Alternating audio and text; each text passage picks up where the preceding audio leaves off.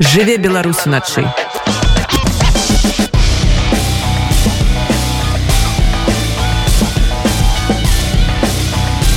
Белорусские ноцы.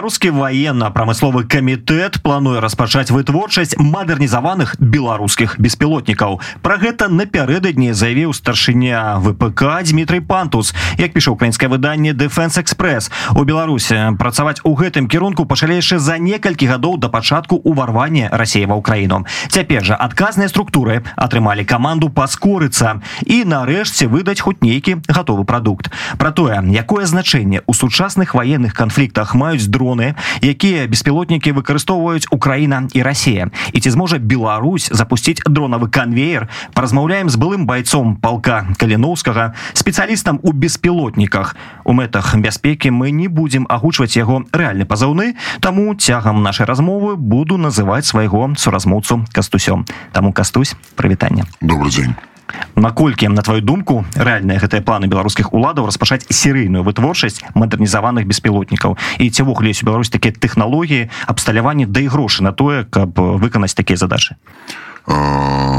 деньги скорее всего Беларусь найдет. Но ситуация в том что Э, это будет э, то же самое, как трактор «Беларусь», да, который постоянно э, ремонтируется монтировкой и ключом на 32, к примеру. Вот. Технологии есть, конечно, потому что Беларусь достаточно плотненько развивается в плане РЭБа, радиоэлектронной безопасности, и у них есть какие-то наработки, но своего у них практически ничего нету. То есть э, все наработки, которые используются в БПЛА э, в Республике Беларусь, это что-то китайское.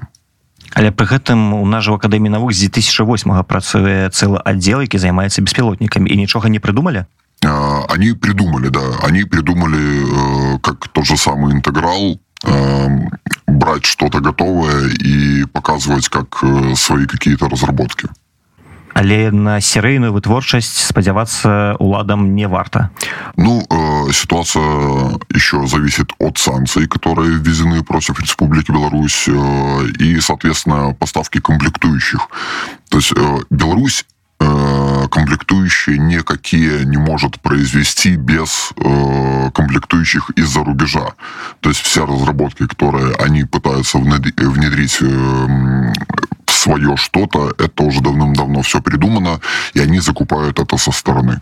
але з боку явно гэта не еўрапейскія краіны але у Іране у Китае яны ж могуць гэта все набываць я думаю что да но ситуация опять же в следующем насколько готовы другие страны мира поставлять для Беларуси и так ограниченный товар какой-то ёсць ограниченные разработки ёсць разуменне про якія кошты вытворчасці ідзе гаворка сложно сказать на самом деле потому что все зависит от того для каких целей будут собираться БПЛА то есть если ну, гаворка ідзе про бяспеку гэта будуць боевые дроны боевые дроны Окей будем тогда смотреть то, что есть э, у России, э, то, что есть у Ирана, э, до, скажем, до таких масштабов у Беларуси еще очень много шагов придется сделать, чтобы прийти вот хотя бы к тем же самым шахедам, либо орланам. І ў такім выпадку трэба немало грошай для того каб гэта все реалізаваць совершенно верно да есть это... санкции гэтай грошы знайсці будет даволі складана. Нет э, я думаю что деньги э, найти они смогут но реализовать покупку э, необходимого оборудования и необходимых комплектующих это будет достаточно сложно. А вось на сегодняшний день якія Беларусь ужо мае уласныя беспілотники э, ну у них что-то есть. И сказать что это белорусская БПЛА, но опять же, вернемся к тому же самому да, интегралу, да, с наклейками на... На свой компьютер заявился, когда Лукашенко а, показывал с этой литерой В, хотя там все, что... Не с В, N, по-моему. Ну, нечто такое, да. Нанобук какой-то или что-то такое. И это будет то же самое. Ну, я уверен, да, потому что, э, как там Лукашенко сказал, что э, в этом э, ноутбуке новом, да, белорусском, 30% типа якобы белорусских комплектующих. Но я не уверен, что там даже 10% есть. Але пры гэтым беларуская прапаганда ва ўсё расхвальвае уже беларускую вытворчасць беспілотных верталётаў хантер і там пішуць што узброены кулемётам 8 ракет 16 супрацьтанкавых бомб.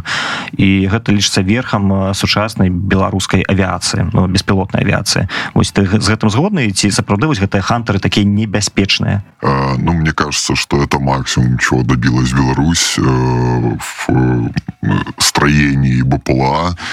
Э, даже если там стоит э, этот э, пулемет, если они там э, до 200 килограмм полезной нагрузки могут нести, да, э, это вполне реально, э, но я не уверен, что в Беларуси есть их там хотя бы сотня.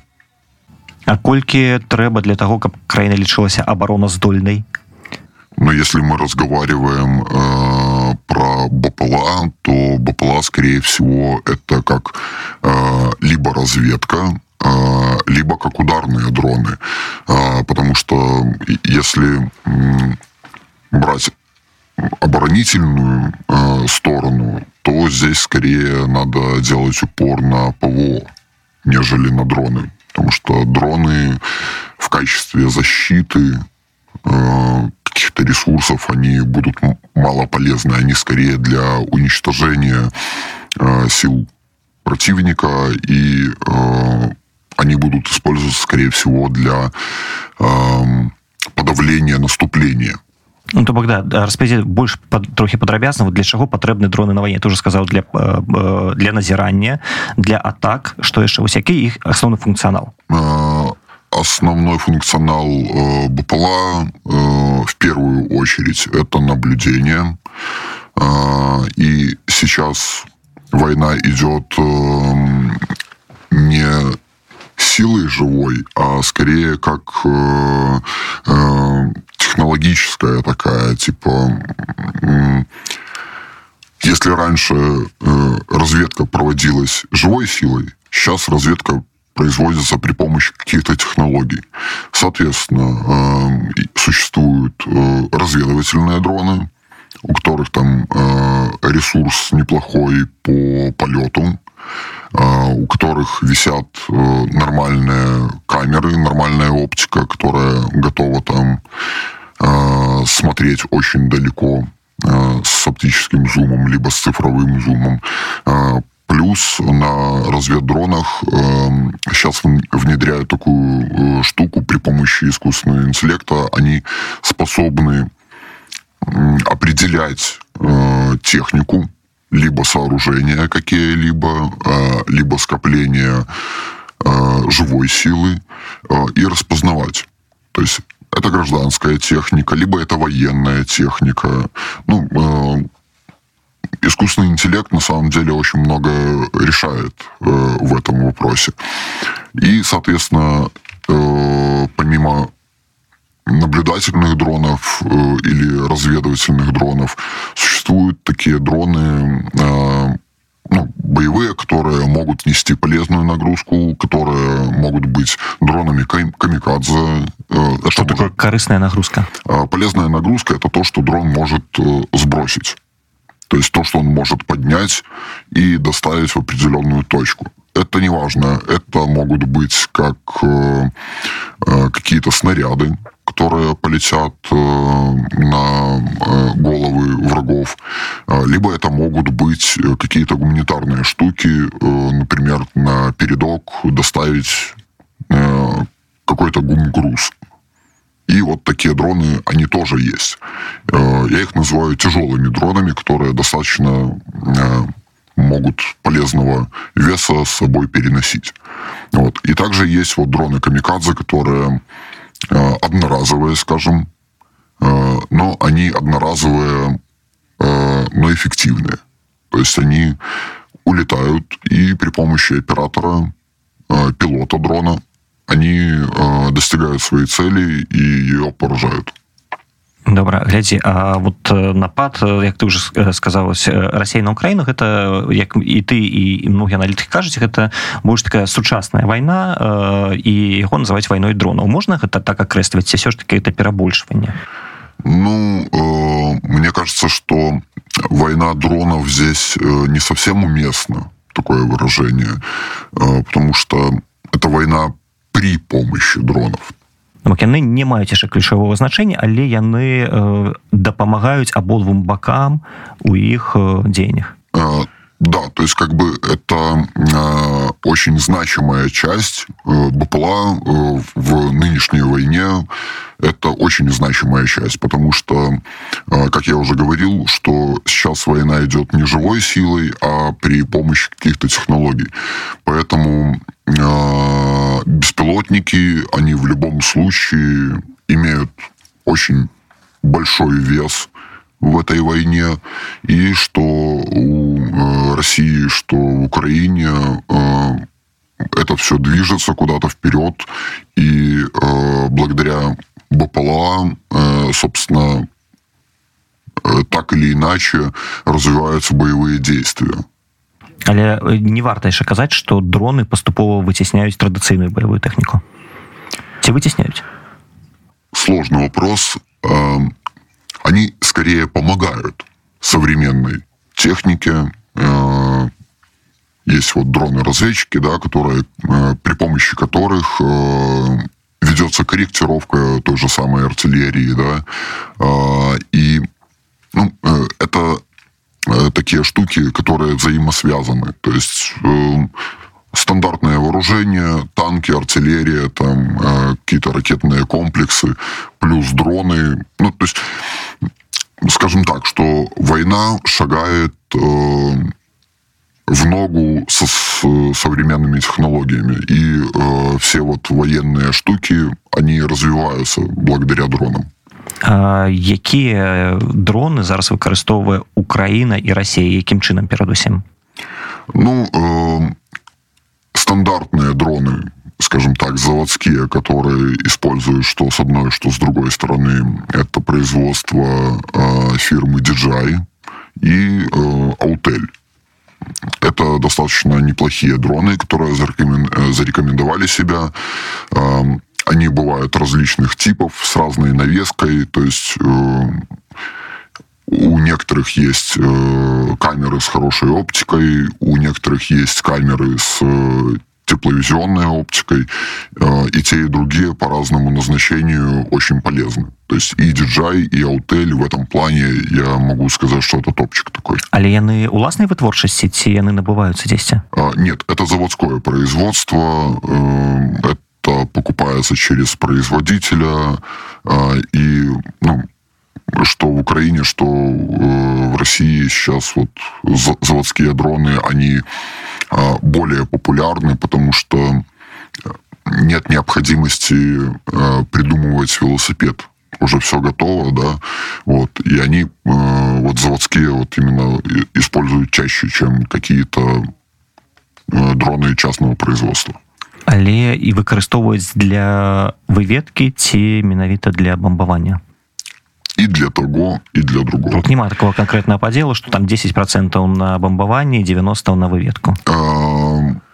просто як кожны з бакоў выкарыстоўвае вось магчымасць дронаў вот эти заводские дроны которые DJI и Autel, да, они э, могут использоваться и в том и в ином случае. То есть это может быть и разведка, и э, там поражение врага.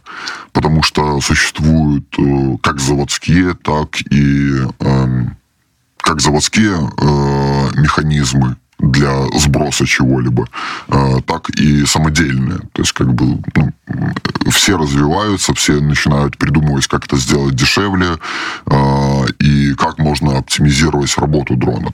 То есть ну, один и тот же дрон может одновременно даже э, быть как разведчик, так и ударный дрон. Вось на сённяшні дзень у ва ўкраіне ёсць магчымасць развіваць сваю вытворчасць дронаў мадэрнізаваць тое што ёсць гэта таксама вялікія грошы і прасцей просто набываць за мяжы на самом деле это да это действительно большие деньги но судя по тому, вот с кем я работал в Украине, с ребятами, которые занимаются сейчас выпуском, самостоятельным выпуском дронов, они делают как большие, так и маленькие дроны, и они это развивают, потому что это дешевле, чем покупать э, заводские какие-то штуки.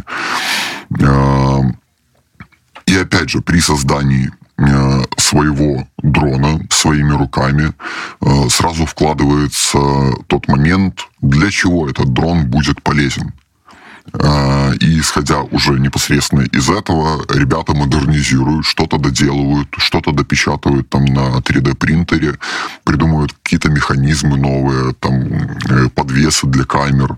То есть, ну, э, в Украине это очень это очень плотненько развивается, потому что очень много волонтеров в данный момент в Украине производят БПЛА именно для ЗСУ. И это якостный БПЛА? А, есть как хорошие, э, и есть не очень. Ну, как бы э, все кто-то, ну, э, все, кто начинает что-то делать, да, они не приходят к идеалу. И есть куда расти, есть куда совершенствоваться. И вот мои хорошие знакомые, мои коллеги, они вот год шли к тому, чтобы сказать, что вот наши дроны, которые мы сейчас делаем, они не безупречные, они хорошие. И они делают свою работу и у них есть планы, куда дальше развиваться. То есть, как бы, э, они придумывают системы сброса, они придумывают, сколько можно чего там зацепить к ним, да, чтобы э, один вылет был более эффективным, э, нежели там, типа, он один раз э, слетал, скинул что-нибудь 16-килограммовое, к примеру, да, 120-ю мину, и улетел обратно. Они э, кассетные штуки для сброса. То есть, когда дрон поднимает не 16 килограмм одним грузом, а 16 килограмм там э, по 2 килограмма на каждую мину, либо на гранату, да, там, э, это, ну, там сумасшедшее развитие просто идет. Ребята э, конструируют, макетируют все это дело, печатают на, на 3D принтерах, придумывают новые снаряды, то есть как бы, ну, э, они э, постоянно шагают вперед. І пасля гэта пасля таго як іх прыдумка мае рэалізацыю яны з ёй ідуць да прадстаўніку узброеных сил Украіны прэзентуюць яе і ты вырашаюць прымаць гэта на ўзбраенне ці не. Ці як это выглядае? Это выглядит следующим макаром. Никто не принимает это как вот там формально да. Есть подразделение которые работают на передке, которым необходимы дроны. Ребята просто под их цели и задачи пытаются сделать э, комфортный дрон для э, реализации этих задач. То есть, ну, без патентных бюро, без бюрократов. Да, без ничего. То есть, как бы э, надо это сделать. Они это делают, отдают парням на передок. Э, парни отрабатывают, говорят, вот это было хорошо, это было не очень. Соответственно, э, ребят мотают на ус и что-то модернизируют, что-то придумывают новое, что-то модернизируют э, в плане технологическом каком-то, либо э, эффективном. То есть ну, делают более объемный, либо менее объемные грузы, которые могут сбрасывать эти дроны, да, либо э, модернизируют в плане оптики, которая стоит на дроне. Там они даже печатают э, вот эти вот подвесы для камер, стабилизаторы на 3D принтере, и э, это все там появится, грубо говоря, у них на э, производствах, в мастерских, это все делается руками, то есть, ну, они растут в этом плане. И э, постоянно с передка приходит э, э, какой-то ответ о работе этих БПЛА.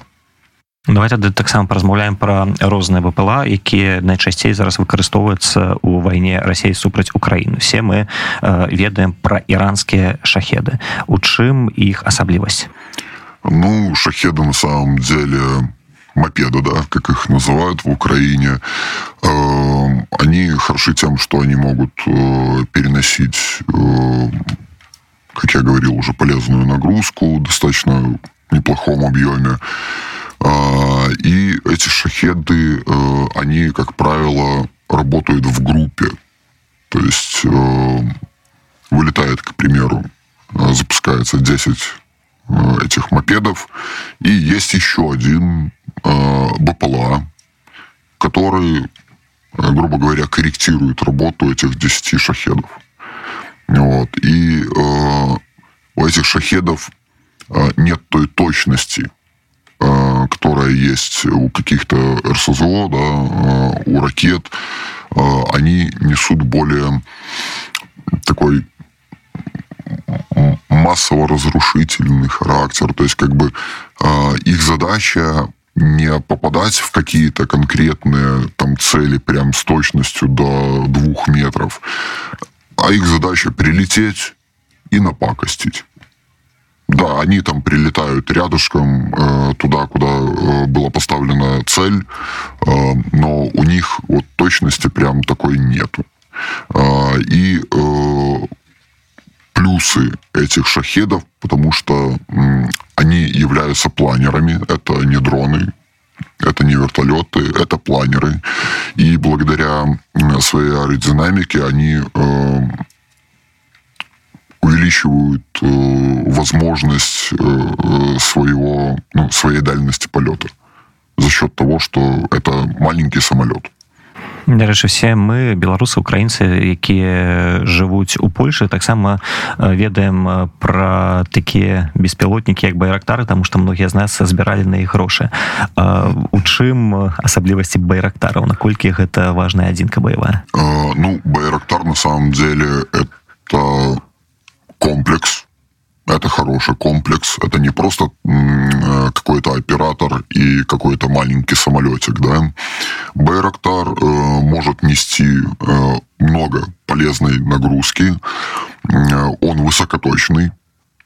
Э, и э, он по функционалу очень полезен, потому что, опять же, это крыло, это самолет, э, хоть и скажем так, на радиоуправлении, да, и Байрактары модернизируются, опять же, они не стоят на месте, у них хорошая оптика, у них хорошие камеры ночного видения, у них тепловизоры, инфракрасное излучение, они ну, все вот это вот ловят. И плюс у них система наведения той полезной нагрузки, которую они несут с собой, очень неплохое Э, в самом начале войны, скажем так, Байрактары очень помогли э, на линии э, Черного моря. То есть, как бы, когда атаковались при помощи Байрактаров именно вот суда, которые заходили э, с России, э, они очень хорошо прикрыли именно вот морскую линию фронта. Але недавно Владимир Зеленский казаў, што яны не настолькі эфектыўны, як спадзявалася Украіна. Э, ну, ну, расійская ПВА іх збівае. Э, да, только ситуация в том, что если мы будем использовать э, Байрактары на той линии фронта, которая уже хоть как-то закрепилась, да, где есть возможность э, разместить базу ПВО, да, развернуть ее, э, да, они будут сбиваться как любые, в принципе, БПЛА практически. Вот. Но э, когда линия фронта постоянно двигается, э, разместить э, комплекс ПВО, ну, это достаточно затратная и трудоемкая задача. Поэтому Байрактары, в принципе, эффективны э, не на сформированной линии фронта. А вот гэтыя расійскія арланы гэта сучасная тэхніка ну про российские орланы а, очень много можем говорить, потому что, возможно, для России они современные, а, но распаковка, скажем так, распаковка да, сбитых орланов показывает, что технологии, которые они используют э, в этих орланах, ну, такое себе. То есть э, они вместо нормальной какой-то оптической камеры используют там Кэноны, фотоаппараты. Грошей нема. Ну, нет комплектующих. Поэтому, опять же, в условиях войны, что с стороны Украины, что стороны России, все БПЛА модернизируются как могут. и э, ставится то, что есть исходя, ну, есть у нас потребность, да, э, создать разведывательный какой-то БПЛАшник. Э, что нам ну, нужно? Нам нужна камера э, с хорошим зумом оптическим, с возможностью передачи видеокартинки в режиме реального времени. Окей, что мы можем туда поставить? Ту камеру, которую мы хотим, она стоит 10 тысяч долларов. С нормальным подвесом, с нормальной оптикой. Ждать мы эту камеру будем, пока она приедет, э, ну, к примеру, месяц. Ну, я образно говорю. У нас нет такого времени. Соответственно, мы что мы делаем? Мы заменяем эту камеру на какой-нибудь фотоаппарат э, с нормальной оптикой, который э, может подключаться к системе передачи видеоизображения, и БПЛА готов. То есть э, все модернизируется, учитывая э, сроки временные какие-то и э, целевые задачи. Ну, да як ты кажаш все мадэрнізуецца і упершыню хіба здаецца у гэтай вайне рассіі супраць Украіны з'явіліся так званыя марскія надводныя беспілотнікі раней же не было такой тэхналогіі ці была э, ну э, марскія что надводныя что подводныя беспілотнікі былі они э, ну, подводных это торпеды звычайно нет ну это э, не совсем это беспилотник э, а я говорю про роботизированную какую-то э, штуку, если можно ее так назвать, да, которая управляется человеком в режиме реального времени, да, либо там э, какая-то задача стоит. Э, всегда, э, чтобы облегчить какую-то работу, используются роботы. Ну, бесплотники в том числе. В том числе наводные, надводные и подводные. Э, чтобы не тратить э, усилия человека, к примеру, и опуститься на определенную глубину, что-то посмотреть, всегда использовались беспилотники. Но, опять же, с учетом всех реалий э, и с учетом войны, э, эти роботы, эти беспилотники подводные, надводные, они модернизируются и производятся уже как ударные, так и разведывательные. А вось калі стварыць такі топ вот на твою думку якія на сённяшні дзень самыя лепшыя беспілотнікі ў свеце наверное те которые сделаны своими руками нават так не заводские не заводские заводские э, заводские дроны э, они доступны каждому грубо говоря да то есть вопрос только цены сможет ли этот человек себе позволить по стоимости. А, и все технологии, которые доступны для продажи заводских дронов, а, они могут быть доступны в том числе и противнику. Это вот э, показывает э, о работе аэроскопа от DJI, да, система, которая может обнаружить э, дрон, заводской дрон от компании DJI. Аэроскоп может когда засекает дрон, увидеть крайние 10 полетов этого дрона. Они могут отследить траекторию полета этого дрона, с какой скоростью он двигается, на какой высоте. И также э, при помощи аэроскопа можно вычислить местонахождение пилота этого дрона. Соответственно, либо направить туда артиллерию, э, либо минометную бригаду скорректировать и сразу по тем позициям просто бить. Это э, минус заводских дронов. Те дроны, которые сделаны БПЛА, которые сделаны своими руками, э, как правило, э, используют э, железки на ардуинке, ардупилот, э, и они не отслеживаются э, аэроскопом. слухай таким выпадку ці ёсць сэнс інвеставаць у нейкія сучасныя дроны якія каштуюць мільёны долараў так можа прасцей просто даць людзям магчымасць ствараць маладым генем і не толькі і все і дзякуючы гэтаму забяспечыць усю патрэбу ў дронах а, да а, есть такая ситуация что заводские дроны более доступны и они как серийное производство э, уже ну, на конвейере, э, их проще там э, тысячами купить, да, можно закупить там тысячи дронов готовых заводских э, и потратить на это энное количество денег. В любом случае дроны на войне теряются по любой причине. Просто есть... вся розніца калі губляецца дрон які каштуе сотні мільёнаў доллараў і ёсць дрон які каштуе там 30 тысяч долларов если мы говорим э, про дроны примерно одинакового характера да э, то дрон который сделан своими руками э, будет стоить к примеру там 30 тысяч долларов.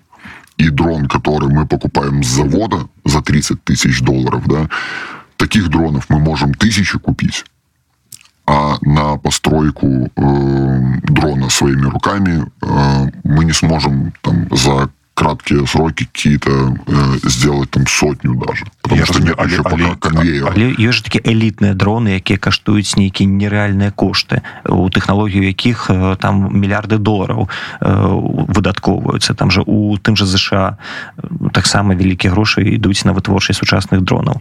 Але ці ёсць у гэтым сэнс? Смысл определенно есть, потому что если мы говорим про миллиарды долларов, да, это очень большие БПЛА, которые выполняют э, другие задачи, нежели э, БПЛА, которые производятся, скажем, в кустарных э, условиях. То есть... Э... Я ты казаў, што гэтых задач там тры ну, звычайна стандартных выведка, э, бамбаванне і там дроны камікадзе, якія нават не вяртаюцца, то якая тады розніца? Разница э, в том, опять же, сколько мы на дрон можем повесить оборудование, и что этот дрон может сделать. То есть э, те дроны, которые стоят там э, за сотни тысяч долларов уже, э, на них можно повесить э, очень много оборудования, в том числе радиолокационного, да, э, и он будет достаточно далеко от э, линии фронта летать и переносить полезную информацию. А дроны, которые э, в данный момент э, делаются э, в Украине украинскими умельцами, программистами в том числе, они стоят намного дешевле. Да, окей, производство медленнее, то есть не те объемы, но они тоже делают свою задачу.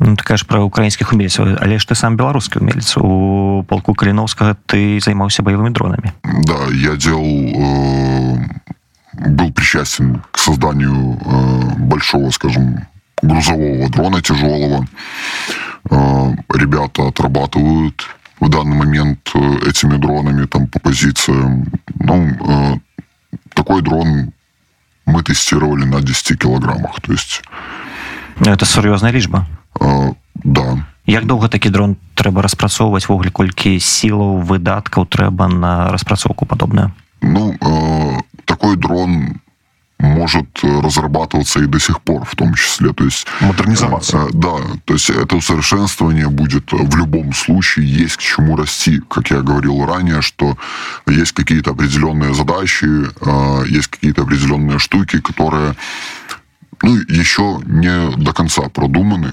но ребятам э, на передке, к примеру, да, э, вот необходимо вот это. Хорошо, мы об этом не подумали в тот момент. Давайте сделаем. Э, что-то переделали, да. Окей, снова отдали в работу. Вот в этом есть там косяк какой-то, да, э, мне нравится вот это вот. Опять же, все это э, переделывается, и, э, как я говорил, не существует идеального дрона не существует, не существует идеального БПЛА. То есть э, все зависит от хотелок и возможностей. Хотелок у нас э, становится каждый раз все шире и шире, а возможностей ну, у нас э, нету прям, чтобы сразу взял и сделал, довел до ума. Все это в процессе познается, то есть как бы методом проб и ошибок. Так, у полку Калиновского есть некий такой інжынерны аддзел дзе людзі сядзяць і распрацоўваюць вось такія штуки. Um, так давай не будем об этом наверное говорить потому что я не уверен что сейчас есть это КБ вот. Ну калі ты там працаваў вы гэтым займаліся і гэта э, сучасныя самадзельныя дроны якія выконвалі свае задачы. Да, совершенно верно. То есть, как бы э, была поставлена задача э, сделать дрон, который может переносить много полезной нагрузки. Этот дрон был сделан, и не один.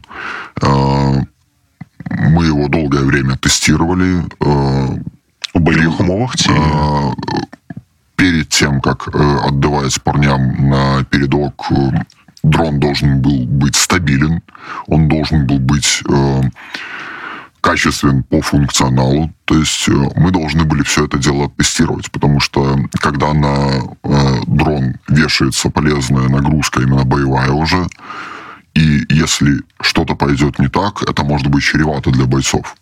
Э, Поэтому мы очень долгое время э, от- отлаживали его полет, стабильность, чтобы он э, прилетал туда, куда нужно, э, чтобы он не навредил э, тем ребятам, бойцам, которые будут работать с ним. але гэты дрон можна назваць беларускай распрацоўкай Можно и так сказать, да. Но, однако, э, все технологии, которые были использованы, они уже есть, да. Эм, Мы их просто собрали в одну кучу и слепили из э, множества разработок э, что-то свое. То есть, ну, это конструктор, грубо говоря. А а наколькі складана кіраваць такім дронам і агулам дронамі Ну, заводские дроны э, достаточно просты в управлении. не Э, трэба інжынернай адукацыі Э, Нет. Э, Главное читать мануал.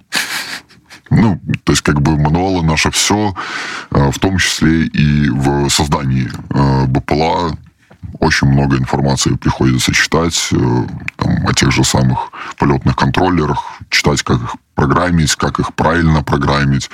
Вот. А заводской дрон, ну, это, грубо говоря, игрушка, которая в данный момент э, используется еще и на войне в придачу. То есть э, ребенок там с большего, там, десятилетний даже ребенок сможет научиться управлять дроном за очень короткое время. Ну, я про заводской дрон говорю. А Если брать э, самосборные дроны, то здесь уже надо иметь представление, как дрон себя ведет, как БПЛА себя ведет, опять же, в зависимости от того, э, что это за БПЛА. Это квадрокоптер, гексакоптер, октокоптер, либо это планер, ну, самолет, грубо говоря. И э, если мы берем дрон, дроном управлять намного проще, чем планером, крылом. Потому что надо понимать, как себя ведет самолет во время полета.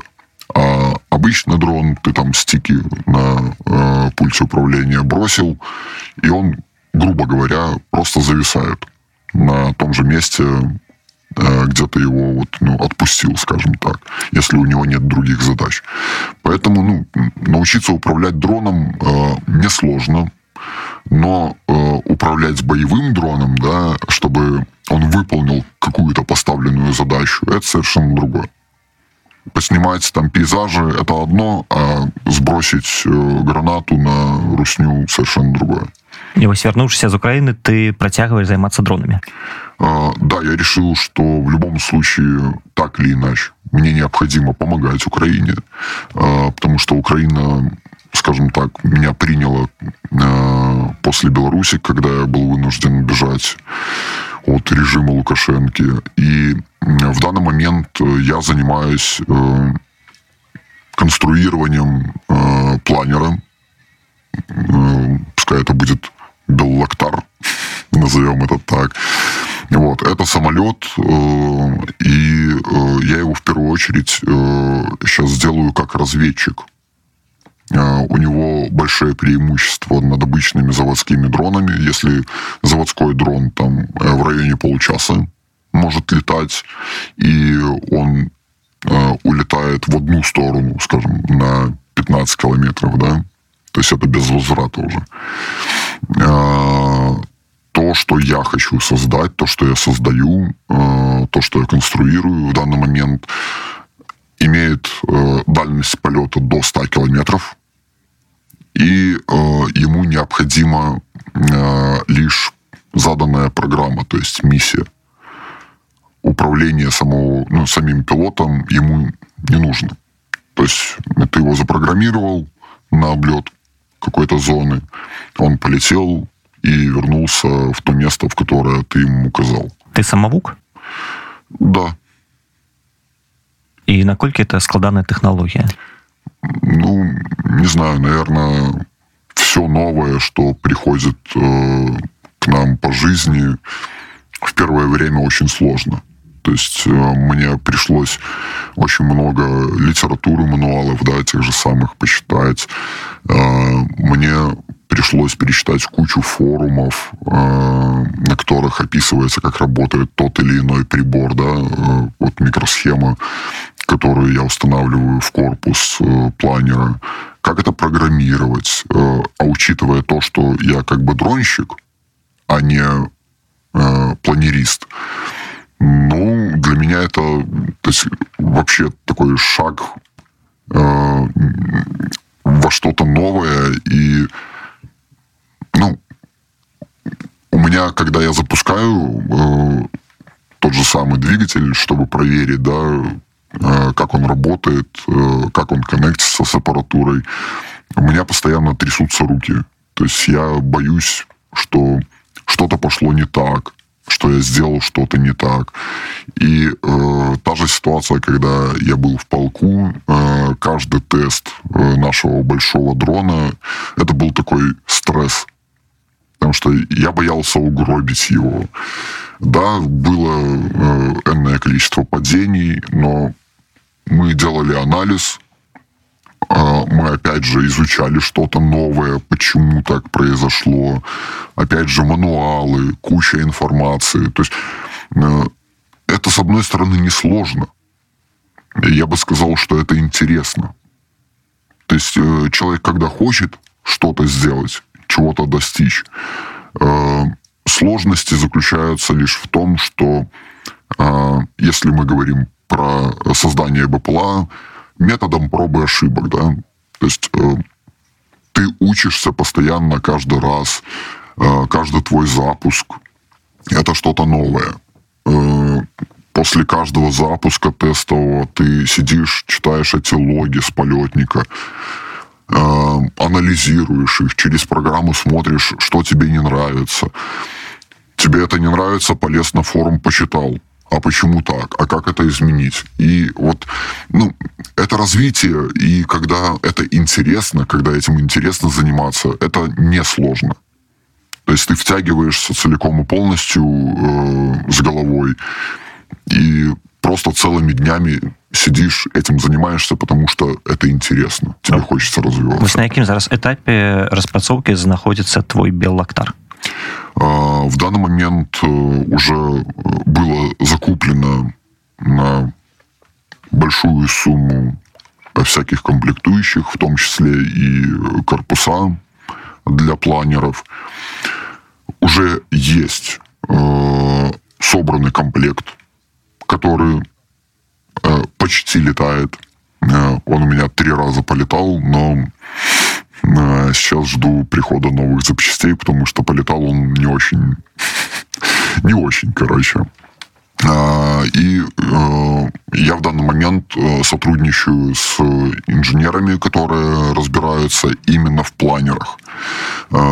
Я после каждого подключения, э, каждого теста э, своего планера скидываю логи ребятам, которые мне помогают э, разобраться, в чем проблема, почему, почему он вот именно так себя повел. Но э, был один хороший запуск, э, который привел к тому, что планер летал. Вот, я его успешно посадил, но, опять же, для того, чтобы его э, закончить, мне необходимо дождаться э, новых деталей, и, собственно, будем снова тестировать. Я так разумею, что на гэта идут серьезные сродки. Э, у тебя есть нейкія там дадатковыя крыніцы фінансавання тому что ну, ты уже казаў колькі каштуе планер колькі э, каштуюць дэталі для яго дзе ты знаходзіш крыніцы ці нейкая дапамога ў гэтым плане патрэбная тому что один чалавек я так разумею э, падняць такія магчымасці просто ну не можа фінансавая ну вся ситуация заключается вся сложная ситуация заключается в том что я не могу этим заниматься дома то есть э, в квартире, которую, в которой я живу в данный момент, э, это должна быть мастерская. Э, я успешно арендую помещение для этой мастерской. Вот в этом заключается загвоздка. Также Э, все вот эти вот э, микропроцессоры, э, платы, полетники, сервоприводы, дополнительные комплектующие для корпуса этого планера, это тоже денег стоит, и деньги были потрачены свои. Ну, они были у меня, я их решил пустить в нужное русло. В данный момент мне знакомые помогают, э, в том числе там айтишники, ну, кто сколько может. Там, парни такие, типа, что ты там не мерзнешь? Я говорю, мерзну. Они такие, окей. Э, задонатили мне денег, я съездил, купил э, обогреватель газовый, купил баллон газовый. Ежемесячно я его заправляю. Там, ну, не ежемесячно, раз в две недели так получается, если я постоянно в мастерской нахожусь. Ну, кто-то донатит, кто-то там, не знаю, приезжает, мне э, стеллаж построил за свои деньги. Ну, на мебельном производстве человек работает, он приехал там со своим ДСП, э, снял размеры, порезали, сделали стеллаж. То есть э, каждый как может мне в данный момент э, помогает. Но это, э, скажем, э, круг э, моих знакомых. то бок а калі б напрыклад нехта са слухачоў рады унет хацеў бы табе дапамагчы ці гэта магчыма да я думаю что в этом проблемы нету я хочу опять же сделать э, ну, телеграм-канал либо там э, инстаграм-канал, э, где я буду делиться с людьми, которые смогут помогать, либо которым просто это интересно, делиться Э, ходом процесса вообще создания этого планера, э, выкладывать фотографии, какие-то отвечать на вопросы, э, показывать видео с удачных или неудачных запусков планера. И в данный момент со мной можно будет связаться по e-mail на протоне белдронос собака proton.com. Я думаю, что мы ссылочку на e-mail оставим. Конечно. Да. И я могу в данный момент э, ответить э, через e-mail. Либо если мы там найдем общий язык, мы обменяемся уже контактами там либо в Телеграме, либо еще где-нибудь, э, либо просто созвонимся, если это э, Польша, да. То есть, ну, я готов отвечать на любые вопросы, если человек в этом заинтересован и может э, принести в этот проект э, даже если не финансовую помощь, а помощь мозгами, я буду только этому рад. Кастусь хочу падзякаваць табе за гэтую размову і нагадаць нашим слухачам што сёння госцем радыонет быў былы баец палка каліноўскага эксперт у дронах з пазыўным кастусь дзякуй раз. Спасибо огромное. Жыве беларусь уначы